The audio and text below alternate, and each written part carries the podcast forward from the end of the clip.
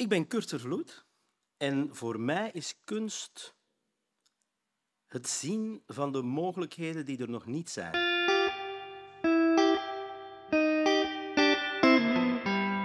Stop, stop, stop. Ik ken daar niks van. Een echte vent moet minstens één keer per jaar met zijn voeten echt letterlijk in de stront hebben gestaan. De rook komt hier al uit de muren, dames en heren. Aflappen. Koeken.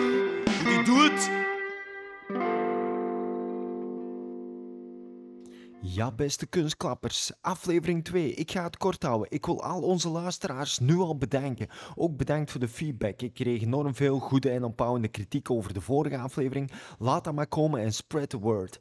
Zometeen zullen drie stemmen horen. Dat is geen typetje van mij of zo. Dat is een maat van mij. One of the quickest minds I know. Bert van Emeren, je gaat hem vaker horen in de toekomst. En als je meer over hem te weten wil komen, dat is ideaal. Want luister dan zeker naar aflevering 3, waar hij mijn centrale Maar nu is het aan Kurt. Die man doet niet alleen one-man shows, die man is een one-man show. Zonder zever een van de boeiendste mensen die ik al in lange tijd heb gesproken. Maar ik stop met zeveren. Veel plezier met kunstklappers.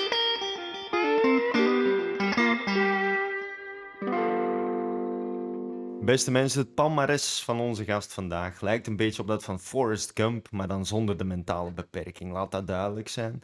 Hij heeft ervaring als kermisuitbater, cafébaas, glasplaatser en vooral als theatermaker, acteur en zanger. En dat is dan nog eens niet alles. We hebben nog niet alles gezegd. En op dit moment is hij op tournee met zijn one-man show Beter dan Elvis. Welkom bij Kunstklappers, Kurt Vervloed. Goedemorgen. Goedemorgen, Kurt. We hebben jouw opname bekeken van jouw one-man show. Uh, en ik moet zeggen, ik was toch wel onder de indruk. Dankjewel. Dankjewel voor het compliment, Steven. Merci. Een vraag die ik ook had bij het bekijken van uh, Beter dan Elvis, was toch wel van... Ik heb heel hard een indruk, en ik heb ook alle krantenartikels gelezen die ik over u kon vinden. Ik heb de indruk dat dat... Is het helemaal autobiografisch? Is het helemaal autobiografisch? Ik vind het uh, wel grappig dat je dat vraagt, omdat uh, mensen dat vaak vragen aan de voorstelling. En mijn standaard antwoord daarop is: uh, de dingen waarvan je denkt, die zijn absoluut waar, die zijn misschien niet waar. En de dingen waarvan je denkt, ja, dat gaat nooit gebeurd zijn, dat zijn misschien net de dingen die wel waar zijn. Um, maar het is autofictie. Dus ik vertrek vanuit dingen die ik meegemaakt heb en ik dik die aan, of ik verklein die, of ik vergroot die, of ik breng die samen om een verhaal verteld te krijgen. Ik, had er ook een vraag bij, maar Steven heeft in een van die vele artikels het antwoord blijkbaar al gevonden. De Pallux, dat is iets dat je wel aanpast naar de locatie waar je speelt. En, Klopt. Want voor mij, ja, ik ben ook van Turnhout en gewoon het woord Pallux horen en zeker de prinses van de Pallux, ja, ik had er al een aantal die daar in mijn hoofd zitten en ik denk, hm, over wie zou het gaan? Er zijn nog mensen die uh, met namen zijn gekomen, maar helaas uh, is de prinses van de frituur in elk dorp een andere prinses. Uh, een, een, een, echte kermisklant reist rond, hè. Een, schatje, een schatje in elk stadje. Ja, dat brengt me bij de volgende vraag. Je bent kermisuitbater geweest? Je hebt, je hebt een kraam gehad dan? Of hoe, moeten we dat voorstellen? Nee, ik heb geen eigen kraam gehad. Uh, althans niet in realiteit. Uh, in de voorstelling wel.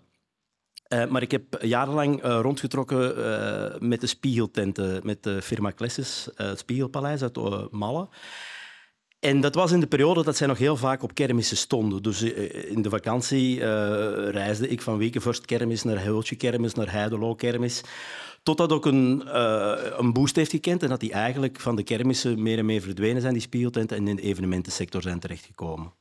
Uh, nog een vraag, want je hebt veel gedaan. Hè? Je hebt, mm, je ik heb heel, veel, uh... heel veel verschillende dingen gedaan. Ja. Nu, de kermis was wel een hele fijne periode en, en ik kijk daar ook altijd nog met een, uh, ja, moet zeggen, een nostalgische, warme blik op terug. En ik ben ook heel content nu bijvoorbeeld als de kermis gisteren ah, ja. de markt oprijdt. Dat is toch nog altijd een belevenis. En je gaat dan ook nog naar de kermis? Je bent nog een vervente kermisganger? Of? Ik ga wel naar de kermis, maar ik kies wel mijn moment in die zin, de drukste, drukste avonden of namiddagen hoeft niet voor mij, maar uh, wanneer de, de nacht begint te vallen en de kramen nog wel open zijn, maar het is iets rustiger, dan kan dat me enorm boeien om te zien hoe mensen, volwassenen en kinderen kunnen genieten van eigenlijk hele simpele attracties.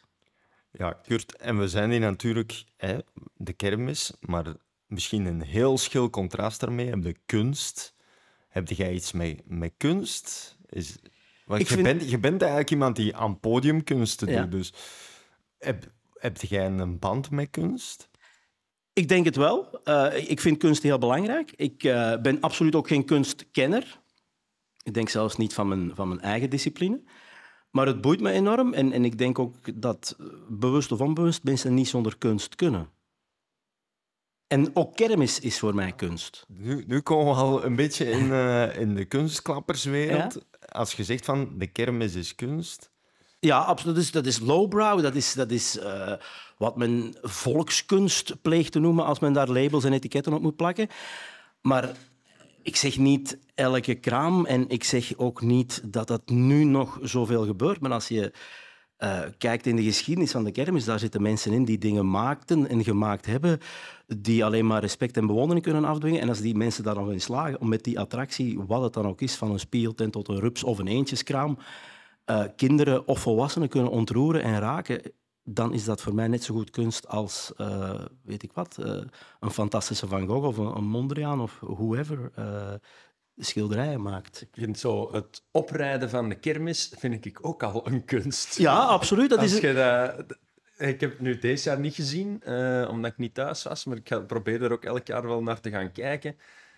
Dat is, dat is een ja, als- zo iemand dat moet filmen Ja. van bovenaf en je, je hebt ook een kunstwerk. Hè?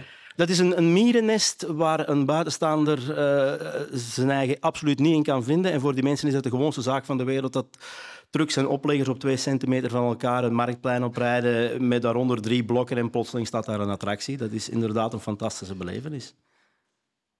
En een kunstwerk op zich. Inderdaad, allee, daar ben ik het eigenlijk ook wel mee eens. Allee, je kunt dat echt bezien als kunst, inderdaad. Je, als we dan over echte kunst spreken, wat is je laatste ervaring met echte kunst? Heb wat is het laatste kunstwerk dat je hebt bezien?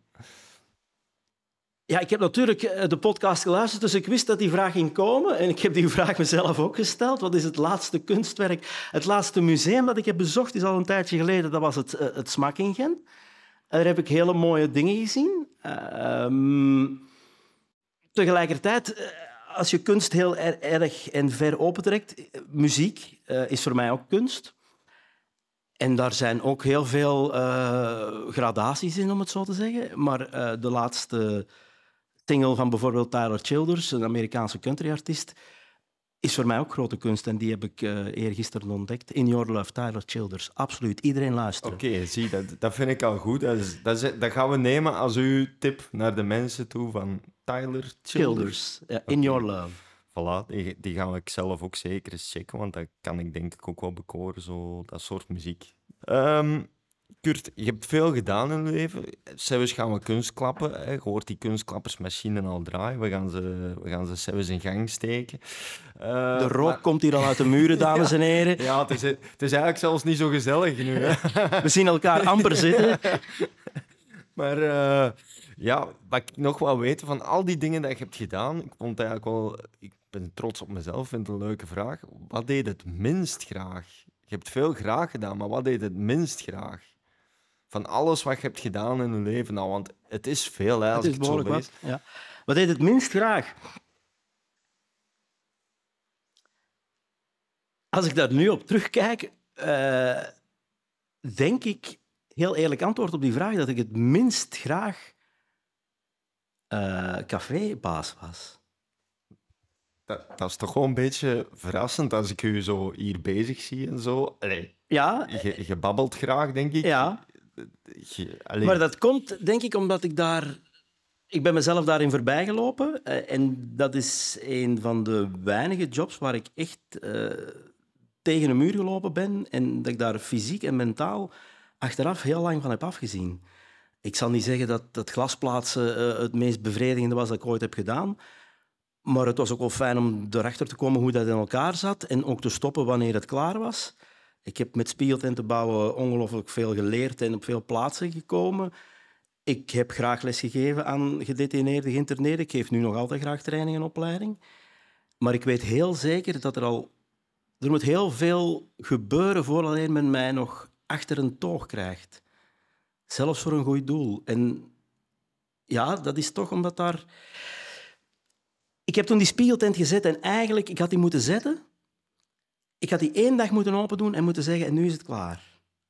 Want het was volgens mij het eerste kunstwerk dat ik ooit heb gemaakt. Wow. Je kunt uh, misschien voor de luisteraars even toelichten welk speelt en of waar dat je... Uh, ja, ik ben dus de man... Sommige luisteraars gaan dat misschien... De oudere luisteraars gaan dat misschien nog weten. De jongere luisteraars kunnen dat aan hun ouders vragen of zijn er misschien met hun ouders geweest. Ik heb in 2006 uh, een zeer oude spiegeltent, een wafelkraam, uh, in Turnhout gekend onder de naam het Adriaantje. Stond vroeger ook altijd op Turnhout Kermis, recht tegenover Café Sint-Pieter. Um, ik heb dat in de winter van 2005 samen met mijn broer en mijn ex-vrouw gerestaureerd. En wij hebben dat gezet aan de zwaaikom uh, van het kanaal uh, Dessel-Schoten op de grens van Sint-Jozef, Rijkenvorstel en Beersen. En ja, dat, was een, dat, is, dat was een hele mooie tent die op een hele mooie plek stond aan die zwaaikom aan dat kanaal. Aan de overkant waren daar de ruïnes van het oude cementfabriek. Dus het was echt een, een, een super fijne locatie. En ik heb dat daar vijf jaar uitgebaat en daarna heb ik daar nog twee jaar mee aan de Warande gestaan. Omdat er toen verbouwingswerken waren aan de Warande en er geen cafetaria was. Dus dat is in het kort uh, mijn horecaverhaal. En dat, dat, was een hele fijne plek, dat was een heel fijne uh, tijd. Alleen heb ik daar geleerd ja, dat ik geen uh, zakenman ben. Ja, het is toch, uh, toch best verrassend, maar uh, ik begrijp het ook wel. Want uh, ik, ik ken nog mensen die cafés uitbaten of hebben uitgebaat en ook zeggen van...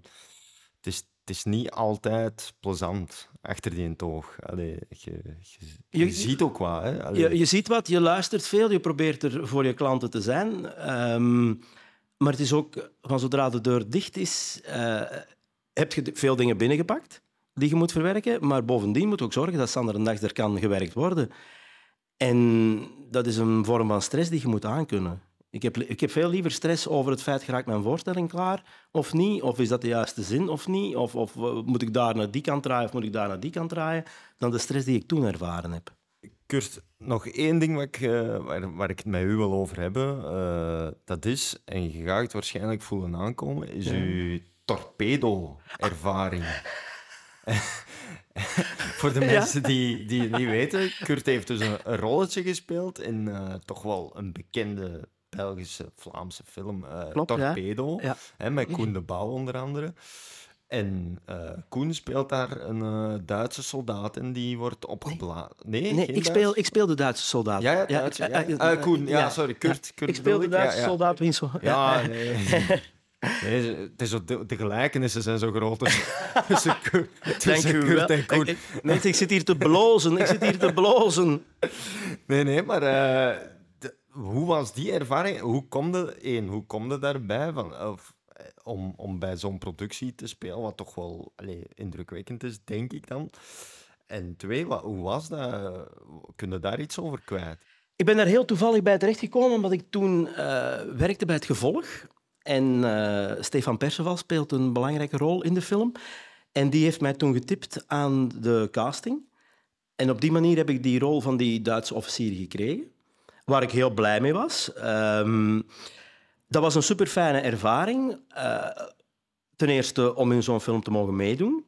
Ten tweede omdat die regisseur zeer tevreden was en uh, mij enorm verrast heeft door het feit dat ik weet niet of jullie de film gezien hebben, maar de opening, het openingsshot is dus wel werkelijk mijn hoofd dat uh, onder water wordt geduwd door uh, de. En hij had dat toen gezegd op de, op de set, van, ja, dat hij tevreden was over die scène, over die opname. En ik ga dat als openingsscène gebruiken. Zeg ik tegen hem, het zal wel zijn. Maar toen wij daar op die première zaten, ik heb nog nooit zo erg van mezelf geschrokken. Want zo'n scherm van 15 meter op 5 hoog uh, en daar uw eigen kop op. Maar dat was wel een heel fijne ervaring, ja, je leert veel. Je ziet hoe dat technisch achter de schermen gebeurt. Um, en, en daar ben ik best wel ay, trots, of ik vond het heel fijn van die man. Ik word dus effectief onder water geduwd met mijn hoofd. En de eerste keer dat je zoiets opneemt, je bent dat niet gewend, je lijf roept gewoon langs alle kanten, nee, Dat marcheert niet, dat gaat niet. Uw lijf wilt uit dat water uit. Is logisch, een logische reactie. Het zou maar erg zijn. Moest die mensen je onderduwen en je zou ja, het is goed. Hè. Verzuip me stilletjes. Alles voor de film, alles voor de kunst. Maar ja, ik duw terug en die Koen Bouw zegt, wat is het? Ik zeg, ja, echt, sorry, maar dat gaat niet. Ik eh, reageer daarop en die man zegt tegen mij, ik begrijp u. Waar ik al enorm blij mee was, want voor hetzelfde geld zegt hij tegen mij, ik zeg, uh, van mijn voeten, auto gezagen, ik duw een kop onder en wij filmen dat. Maar die zei direct eh, tegen die mensen op die set, eh, we leggen dat even stil, ik ga afspreken met die man hoe we dat gaan doen. We hebben dat wat geoefend en gedaan en dat was een super fijne ervaring, want die mij een heel veilig en ook gewaardeerd gevoel gaf. Ondanks het feit dat hij een gerespecteerd, gerenommeerd acteur is en ik eigenlijk maar iemand ben die onderaan de ladder staat, gaf hij mij wel het gevoel van wij zijn hier collega's en ik ga zorgen dat dat voor u goed gaat en dat dat voor mij goed gaat. Dus in die zin heb ik ook op dat vlak heel veel geleerd. Zeer fijne man. Ja, ja oké. Ik, heb, ik heb hem wel gezien en eh, het was... Het is natuurlijk niet... Het was niet zo'n goede film als... Allee, als Ik zal... Ja. Nee, maar dit- dit- ik vind het, heel geen mooi... succes, dat nee, bedoel ik Nee, maar ik vind het heel mooi dat je het zegt, Steven. En je mag daar denk ik ook eerlijk in zijn. Ehm, hoewel ik dat moeilijk vind om te zeggen, omdat ik eh, Sven, de, de regisseur, niet persoonlijk, persoonlijk heb leren kennen, maar wel gezien heb dat hij een zeer geëngageerde, enthousiaste man is die met alles wat hij had zich in die film heeft gesmeten. Als je dat resultaat natuurlijk gaat vergelijken met een Hollywood-productie in, in hetzelfde genre, ja, dan... Maar tegelijkertijd heb ik alleen maar bewondering. Die man heeft 15, 20 jaar met dat scenario gewerkt en, en toch die zijn- film gemaakt. Ze zijn ook wel heel streng geweest voor, voor de film. En eh allee, dat moeten we ook toegeven. Ze zijn, ze zijn misschien iets te streng geweest, inderdaad. Zoals gezegd, van, je moet het niet gaan vergelijken met die Hollywood-productie. En ik denk ook dat dat waarschijnlijk te maken had met het feit dat ze het... Het is zo...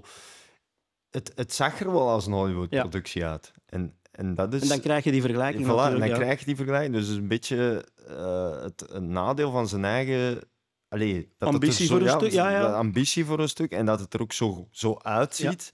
Dus dat, dat wordt nog niet... Allee, dat, dat is niet altijd zo bij, bij Vlaamse films, vind ik. Dus het was heel mooi gefilmd ook. Die, die scène ook trouwens. eh. Dus eh, misschien was het daarom ook eh, dat ze een beetje te hard ervoor zijn geweest. Ja, want ze hebben hem hard aangepakt Ja. en dat vond ik niet geheel terecht. Nee, Eh, Het is een man met een passie, een man met een droom en hij heeft hem wel verwezenlijkt. En uiteindelijk is dat een Het enorme... typeert ook een beetje het Vlaams verhaal, misschien een beetje in, in de filmwereld. Je krijgt, allez, bijvoorbeeld Jan Vrijen is ook zo iemand, die krijgt constant tekst op zijn neus Ja. van, ja, van, de, van de critici dan. En wie zijn die critici? Dat, weet, dat, dat is iemand die, die voor humor schrijft vaak. Ja, ja, maar dat, het, het komt vaak uit dezelfde hoek. Eh, Ja. Je mag dat zo denk ik wel benoemen, hoewel ze dat niet graag horen, maar het is de links-intellectuele, betere kunstkenner eh, die nogal gauw een mening heeft over eh, wat anderen doen. En als het dan niet in hun straatje past of niet echt arty-farty is, dan kun je er wel eens bedrogen uitkomen. Wat dat jammer is op zich, want er zit wel werk en tijd en, en goesting in. Dat is altijd, en daarmee komen we ook een beetje, dat is dan het verhaal van de kunst. Van wanneer is het kunst en wanneer moet iets gezien hebben, je moet het kennen. En daarom zit jij ook hier, Kurt, voor kunst. Jij zit hier voor de kunst. Ja, ik ben hier voor de kunst. Alles voor de kunst. En eh, we gaan eens een keer eh, we gaan de kunstklappersmachine opzetten. We gaan ze opzetten. Ik ga hier op een, knop duwen. Eh, niet verschieten allemaal. En hier komt hij dan.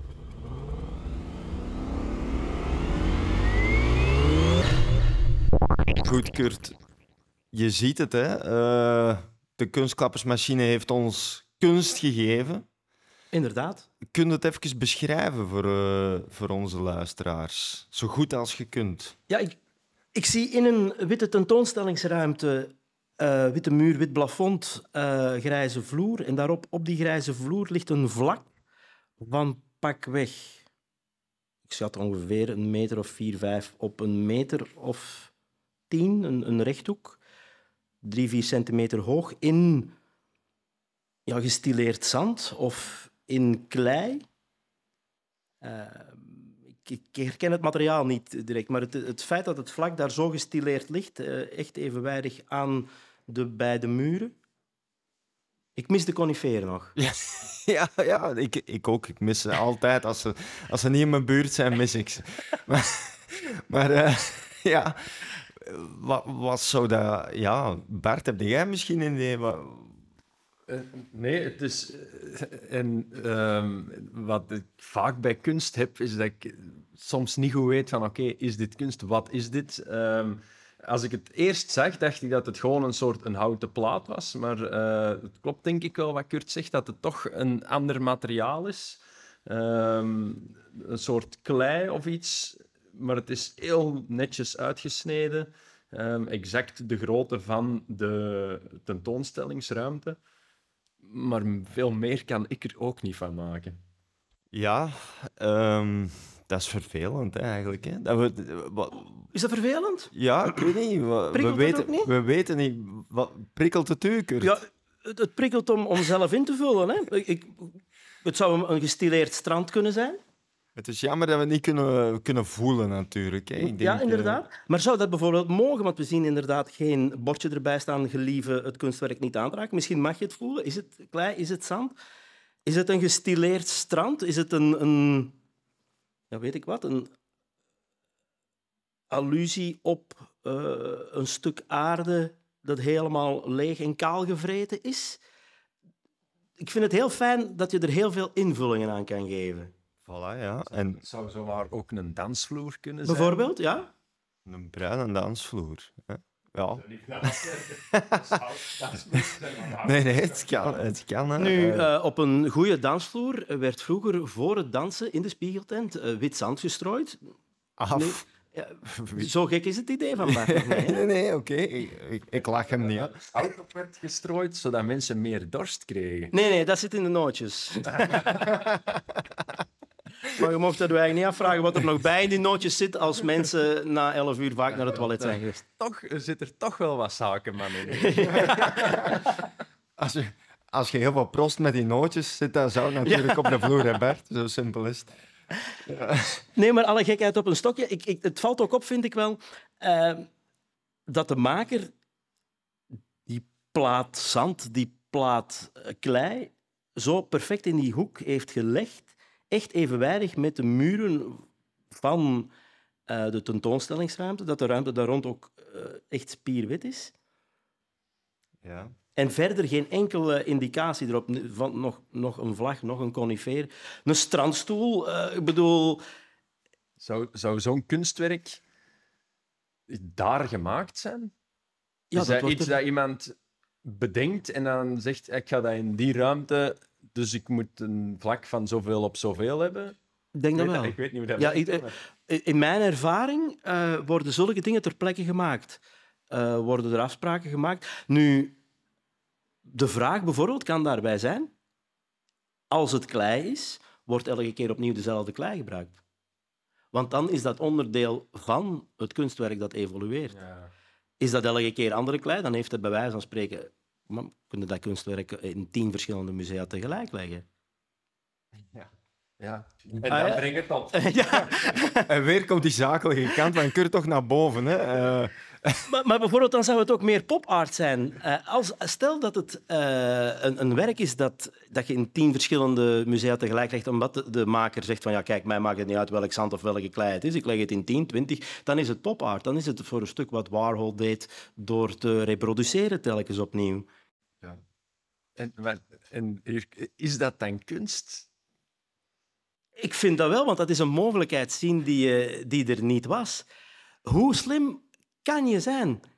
Gezorgd dat je, pakweg, eh, laat ons zeggen, het is 10 op 15. Dat is, eh, nee, 5 op 15, dat is 75 vierkante meter.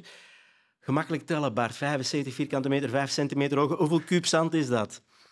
Ik kan niet op. Kurt, Kurt, Kurt, ben je zeker dat je geen zaken maar. Het begint meer en meer te klinken als mijn notaris. Of, eh, Nee, maar dan is dat toch een mogelijkheid. Misschien heeft die man eh, besloten om in de lokale Hubo of Gamma eh, vier zakjes bruin zand te kopen. Aan, rato van 5 euro voor een zakje.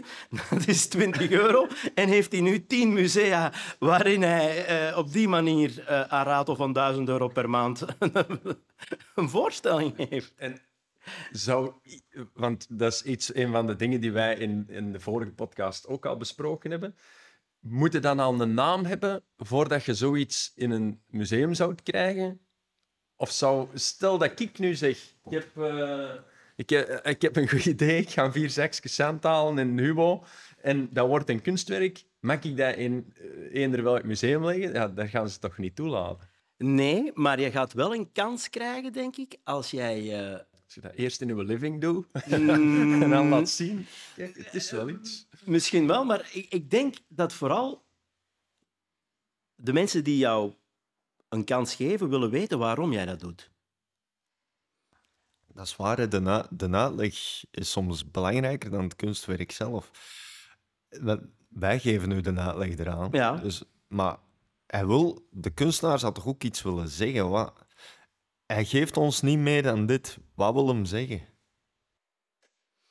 Ja, dat is net, denk ik, terugkomt op waar we begonnen. Het feit dat ik er zo over kan denken, Bart zo en jij nog op een andere manier, denk ik al dat dat een, een grote meerwaarde is. En of dat, dat dan gelijk loopt met wat uh, de kunstenaar wil zeggen, ik vind dat persoonlijk niet belangrijk. Net zoals ik het, als ik daarop mag terugkomen, ook niet belangrijk vind als iemand nu mijn voorstelling heeft gezien en daaruit haalt van uh, Elvis is de meest verschrikkelijke vent dat er ooit geweest is en vervloed. Jij bent de grootste eikel die rondloopt. Ja, dat speelt dan wel in mijn nadeel, maar dat is het volste recht van die luisteraar-kijker om dat daarvan te vinden. Dat is al het antwoord op een van de vragen die ik had genoteerd. Vind jij inderdaad dat iedereen zijn eigen invulling mag geven of dat de kunstenaar zich wel beledigd mag voelen als iemand er een heel ander invulling aan geeft. Maar je hebt net al, al beantwoord. Van mij mag een kunstenaar zich daar ook beledigd over voelen, maar ik zou dat jammer vinden. Um, maar ik kan me wel voorstellen dat het gebeurt. Dat hangt eraf van uw, van uw eigen persoonlijkheid. Maar het staat aan iedereen vrij om ergens iets van te vinden. Ik kan mij voorstellen, laat dit aan 50, 60 procent van de mensen zien en zeg van ja, dat ligt in een uh, tentoonstellingsruimte, daar is voor betaald geweest. Dat mensen zeggen van maar alstublieft, waar zijn ze mee bezig? Terwijl er ook misschien 30, 40, 50 procent van de mensen zal zeggen hey, dat is goed gezien, is iets anders. Alles is, uh, denk ik, op dat vlak mogelijk. Dat is net het fijne van kunst. Klopt. Ja, ik, ik denk dat we inderdaad dat dat klopt. Hè. Allee, het is, maar is het ook mooi? Het is niet mooi. Hè. Het, hoeft, het hoeft ook niet mooi Het hoeft ook niet mooi te zijn. Nu, ik vind dit persoonlijk ook niet lelijk. Nee, nee het is Allee, het is zo simpel. Ja. Je kunt, je kunt het ook niet lelijk vinden. uiteindelijk, ik zou het persoonlijk wel, wel kunnen verdragen om daar een half uur naar te zitten kijken. Dan ben je echt een kunstliefhebber. Nee, maar om te, om, om te zien wat dat met je doet. Ik bedoel, misschien als je daar een half uur naar zit te kijken, dat het een soort van rust brengt ook. Hè. Het is een heel rustgevend iets. Het is geen druk, druk gedoe. Maar ik denk dat ook een, een heel groot verschil is met hoe wij het hier nu zien op het scherm. En inderdaad, als je het in het echt ziet, ja. want dan kun je inderdaad ook gaan kijken, oké, is het heel egaal of zitten er... Uh, Zit er alleen in? Ja, ja, of, ja. Of, of, staat er ergens een voetstap in? Of wat ja bijvoorbeeld. Daar, ja, ja. daar kunnen dan weer een mening of, of een idee bij vormen. Een verbeelding op uh, loslaten. Dus dat is inderdaad wel... Ay, op een, uh, dat is, dat is een, een nadeel aan de kunstklappersmachine. Dus dat dat op een scherm kan. Ja, ik, kijk, ik heb die uitgevonden, maar ze kan ook verbeterd worden. Hè. Ze kan ook verbeterd worden, maar we kunnen het niet voelen, we kunnen het niet ruiken. Dat is eigenlijk uh, een probleem dat we nu wel hebben.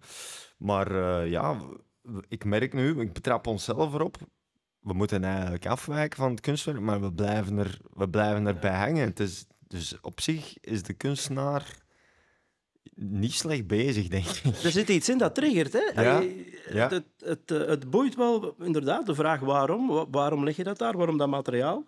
Ja. En terechte opmerking, als je dat in het, in het echt ziet, uh, denk dat de, de indrukken en de, de verbeelding uh, nog sterker aan de slag gaan. Ja, ik heb zo ooit, ik denk dat het een Jackson Pollock is, maar die heeft volgens mij ook een volledig rood vlak geschilderd mm. ooit. En dat heb ik in het echt gezien. En je altijd gedacht, als je in een boek ziet, ja, het is gewoon een rood vlak, wat kan dat? En toch deed dat ook mm. echt iets met mij toen. Ik vond dat echt heel cool. En dan achteraf denk ik weer, ja, maar dat was gewoon een rood vlak. En toch, op het moment dat je daar in het echt naar kijkt, doet dat toch wel Klopt. iets met een ja, mens. Absoluut. Het is de ervaring, hè? Ja, ja. Uh, ik ben eigenlijk heel benieuwd naar, naar de betekenis achter het, eh, achter het kunstwerk. Maar ik, misschien moeten we nog eerst eens... Want je zegt van het brengt rust. Mhm. ik, ik merk, Kurt, je bent geen rustige mens. Nee. Heb je daar soms nood aan aan rust? Ik, ik, ik, ik zie u bijna verlekkerd kijken van ik zou hier een half uur naar kunnen Ja, kijken. absoluut. Jij, vindt in zo, jij zou in zo'n dingen rust vinden? Ja, eh, ik denk dat het het fijne is aan eh, musea. Of ik vind dat het fijne aan musea. En vroeger ook aan bibliotheken, maar die tijd is helaas voorbij. De gewijde stilte. En dat is een van de weinige plekken ook nog een museum waar je mag vragen of zo met een blik kunt doen van, zijn nu eens stil. In een bibliotheek is die tijd voorgoed voorbij. Tenzij links of rechts nog een universiteitsbibliotheek. Maar in een museum kan je dat ongegeneerd verwachten en verlangen dat daar een gewijdse stilte heerst en dat je inderdaad in alle rust eh, kan genieten zonder veel andere prikkels. Want dat heb je denk ik ook wel nodig. Eh, weinig andere prikkels om te kunnen genieten. Ja, zo gewijde stilte. Ik, ik ben docent op een hogeschool.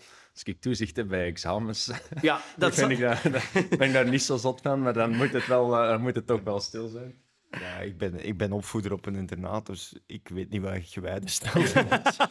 Is dat een katholiek internaat? Ja, dat is een katholiek internaat, maar ja, dat is, die tijden zijn inderdaad voorbij. Ja. Eh, waar, ik merk dat wel, ik heb zelf een dochtertje, die gaat graag naar de kerk. Als, als, als die open is, hè, wil die daar altijd naartoe, gewoon voor die rust en stilte. Ik merk dat, dat zij daar ook rustig van wordt en zij doet dat graag. Dus er is wel iets, en ik denk nog meer en meer in, in deze tijden, denk ik, dat mensen misschien meer nood hebben daaraan, aan, aan die gewijde stilte. Dikwijls meer dan mensen zelf beseffen, denk Ja. ik zelfs. Ja, absoluut. Kijk, en dat vind ik leuk aan kunstklappers, dat we, dat we nu over gewijde stilte bezig zijn, terwijl we naar een bruin vlak aan het zien zijn. Ja, maar- nu, eh, als nu je het dan toch over bruine vlakken hebt. ik heb eh,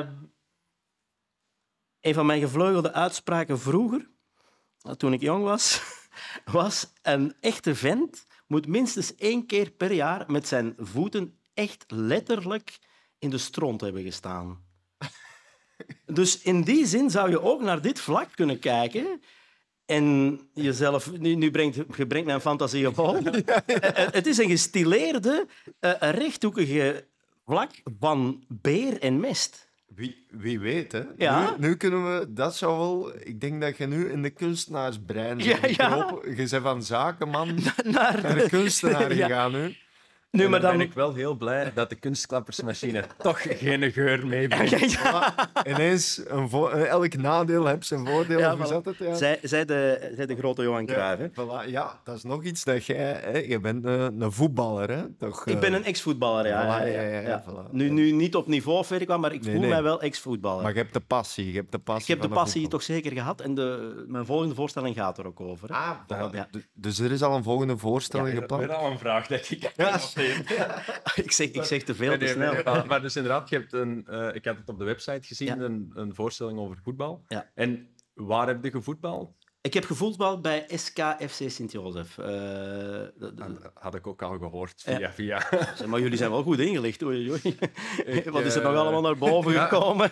Om een of andere bizarre reden, want ik denk dat dat een vrij klein voetbalclub Ja, ja, ja, is, absoluut. maar ken ik ook wel wat mensen die daarbij betrokken zijn. Een Hans Peters Ah bijvoorbeeld. ja, die, Eh, de Hans speelt mee in, eh, in, in een video die in de voorstelling wordt gebruikt. ja. Ja. Ja, en dan ja, Rijk Vorsel Sint-Jozef, dat heeft toch altijd een Dat is heel iets heel rare- bijzonders. hè. Ja, ja, ja. Nu, ja, ik weet niet of er plaats is voor erover uit te wijden. Zeker, dat, is, dat is iets heel bijzonders. Om- Oké, van mijn stokpaardjes in die zin, op zich is dat heel logisch. Ehm, Sint-Jozef, dat is een arbeidersgemeenschap. Dat is een migrantengemeenschap die gegroeid is aan het begin van de 20e eeuw. 1900, 1920 zijn er allerlei mensen uit de diepe Zuiderenkempen en verder naar daar getrokken om dat kanaal was gegraven. Er zijn kleilagen naar boven gekomen. Die kleilagen brachten steenfabrieken met zich mee en dat cementfabriek. Dus mensen daar naartoe, want daar was werk.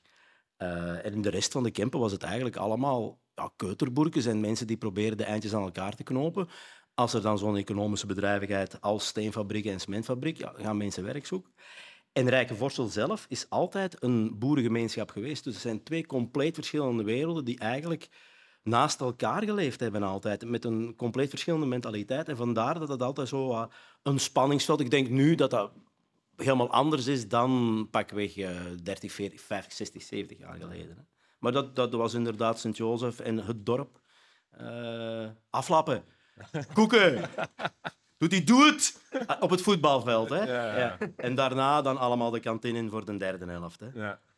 En, uh, want ja, je hebt dan in Rijkvorsel, en ik vind het heel tof, en nu kunnen we over voetbal beginnen, dan, daar was ik wel op aan het wachten. dan, hey, je hebt Zwarte Leeuw en dan Sint-Jozef, maar Zwarte Leeuw heeft wel altijd wat niveaus hoger gespeeld dan Sint-Jozef dan. Uh, Zwarte Leeuw heeft, uh, het hoogst wat zij gespeeld hebben, was tweede klasse. Hebben lang vierde klasse, toen bevordering, derde klasse. Maar, en dat is natuurlijk in de plooien van de geschiedenis verdwenen, Sint-Jozef, het arbeidersclubje, was wel de eerste club uh, die in vierde klasse bevordering speelde. En er zijn ook verschillende spelers vandaar uh, later naar eerste klasse gegaan, omdat, en dat zit voor een stuk ook in de voorstelling, ja, er zijn drie manieren om aan de parochie te ontsnappen in die tijd. En dat was ofwel de koers. Als je goed met de fiets kon rijden, dan konden we proberen iets anders te gaan doen dan in het fabriek gaan te werken. de showbiz of voetbal. Dat waren de, bij wijze van spreken de enige drie manieren om onder die kerktoren onderuit te geraken. Ja. En op Sint-Joost zijn er wel een paar uh, ja, best op. En zij waren voor Zwarte Leeuw. Daar sta ik op. um, en heel even, eh, en misschien ook interessant voor de luisteraar, wanneer komt die nieuwe voorstelling uit? Of ik heb die nu in première gedaan in uh, West-Toeter uh, op het festival Spots op West. En hier in uh, de Kempen gaat hij in première gaan uh, in november. De exacte datum ligt nog niet helemaal vast. Het is jouw bal. Over dromen die uiteenspatten op de lat en transgenerationele trauma's. Schitterend. Ik ben heel benieuwd. Ja, ik ook. Uh, iets waar we ook benieuwd naar zijn is natuurlijk... Wat is dat wat, nu met die... Wat is dat... Die 60 vierkante meter platte beer. We gaan het dus een keer erbij pakken. En... Uh, Misschien, Kurt, ik weet niet, is het in het Engels? Is het Engelstalig? het is geweldig. Het is een pindakaasvloer. een pindakaas. Het is een pindakaasvloer. Wordt het eerst uitgevoerd uh, bij Galerie Mickery in Loenerslo. Oei. Ja. Uh, en daarna onder meer tentoongesteld in een, ah, in een overzichtstentoonstelling van Wim T. Schippers. Wim T. Schippers, de Nederlandse filosoof, kunstenaar, ja. Je, kent hem, Kurt? Ik ken de naam Wim T. Schippers. Ik, uh, ik weet hoe de man eruit ziet. Ik kan mij vaag nog enkele dingen van hem voor de geest halen. Maar hij is, ja, nu ik het werk zie en zijn naam daarbij, ik kan de twee wel, met elkaar verzoenen. Ik had nu nooit er kunnen opkomen dat hij het gemaakt, maar hij was wel iemand die op die manier de realiteit uh, in vraag stelde.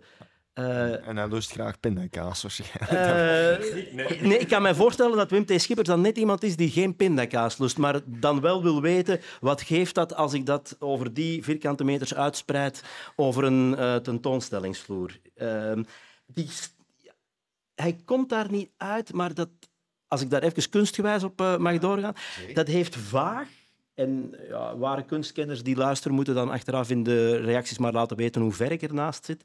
Maar heel vaag uh, is dat voor mij verwant met de fluxusbeweging. Uh, en de fluxus, ook daar ben ik geen kenner van, maar zij probeerden, of wat zij deden, was ingrijpen in de realiteit op een zodanige manier dat mensen het eigenlijk niet door hadden. Er waren ja, events, zouden ze het nu noemen, manifestaties, uh, waarbij mensen ja, de vraag hadden van ja, wat jullie nu aan het doen zijn, is dat nu echt of is dat nu niet echt? En Schippers was daar denk ik uh, wel een fan van. En, en, in de lijn daarvan kan ik me wel voorstellen, ja, ik zeg het, zo'n vloer insmeren met pindakaas om te zien wat dat zegt. Ja, dingen uit de context halen. Ver van waarhol is het niet af. Hè. Wat is het verschil tussen een blik soep 30 keer reproduceren of 30 potten open doen en ja, op de grond smeren? Ja. Dus, uh... Ik denk dat we nog nooit iemand hebben gehad die zoveel wist te vertellen over. Uh, dus eigenlijk ben je wel een beetje een kunstkenner. Stop, stop, stop. ik ken daar niks van. Ik heb dat niet gezegd. Kuit, kuit. Ja. Nee, uh, maar dus pindakaas, voilà. En uh, ja, er wordt eigenlijk niet zo echt uitgelegd waarom, waarom dat meteen... Of... Ik ga even verder lezen. Ja. Uh, Pin, Schippers pindakaasinstallatie is een kunstwerk dat op verschillende manieren uit te voeren valt. Inderdaad, de zakenman Wim T. Schippers, zoals de vloersculptuur in Boymans van Beuningen, in tegenstelling tot eerdere keren, niet helemaal vierkant, maar deze keer 4 op 12.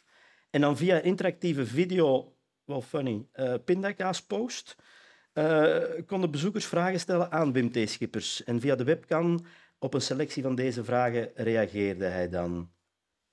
En hij laat ook zien via een video hoe hij de vloer heeft gemaakt. En is er een interview met hem. Ik ga dat opzoeken. Ja, ik denk dat we dat allemaal eens thuis moeten gaan doen. ArtTube. Ja. Ja. dus, ja, ik, ik weet al wat Kurt gaat doen deze namiddag. ah, deze namiddag heb ik repetitie, maar vanavond... Als, ja, ik, als, mijn brein liep nog wat achter. En, uh, ging, ging nog even vast bij de fluxusbeweging waar je het over had, van ingrijpen in de realiteit. Dat deed mij er heel even aan denken dat ik pas ergens een filmpje had gezien van uh, een kerel die heel veel gsm's in een bakje had gestoken en daarmee over een brug wandelde om zo kunstmatige files te veroorzaken. Ja. Is dat dan ook kunst, zoiets? Of is dat gewoon een beetje een eikel uiteindelijk? Ik denk als we dan uh, Kurt zijn, zijn uitleg hebben gehoord over wat is kunst, dan, dan is dat kunst. Ik vind het ook. Ja. Allee, hoe klein dat ook is en hoe basic het ook lijkt, op, je grijpt in in die realiteit. Hè? Je verandert de werkelijkheid op een manier dat mensen eigenlijk gedwongen worden om... Allee, gaat daar even bij... Inderdaad, wij zitten op een telefoon te kijken of wij wel of niet in de file staan. Ten eerste, bedoel, je kunt ook opkijken en rondkijken en zien van... Ah ja, ik sta in de file of nee, ik sta hier op een brug. Er is iemand mij aan het foppen uh, door hier ter straks met gsm. Als je daar verder over nadenkt, klein stapje maar, dan krijg je toch zelf reflectie. Ja, ja. Zo, een foto van ergens een steen aan een deur, uh, weersvoorspelling, uh, if the stone is wet, it rains. Ja, ja. ja dat, is, dat, is, inderdaad uh, ja, gekend, hè, die, maar zo is het tegenwoordig inderdaad. mensen checken op buienradar of dat regent, in plaats van te voelen. Of Kijk buiten, ja. ja. Nee, ik ik vond uh, het super interessant, uw, uw indeling. Allee, we kunnen echt blijven praten, heb ik de indruk. Uh, Kurt, ik, ik, had nog, ik heb nog veel vragen, maar... Allee, Laat maar komen. ik, wat, wat mij nog altijd intrigeert, is gewoon uw, die, die show en zo ook. Hè. We, we gaan even terug naar uw one-man show.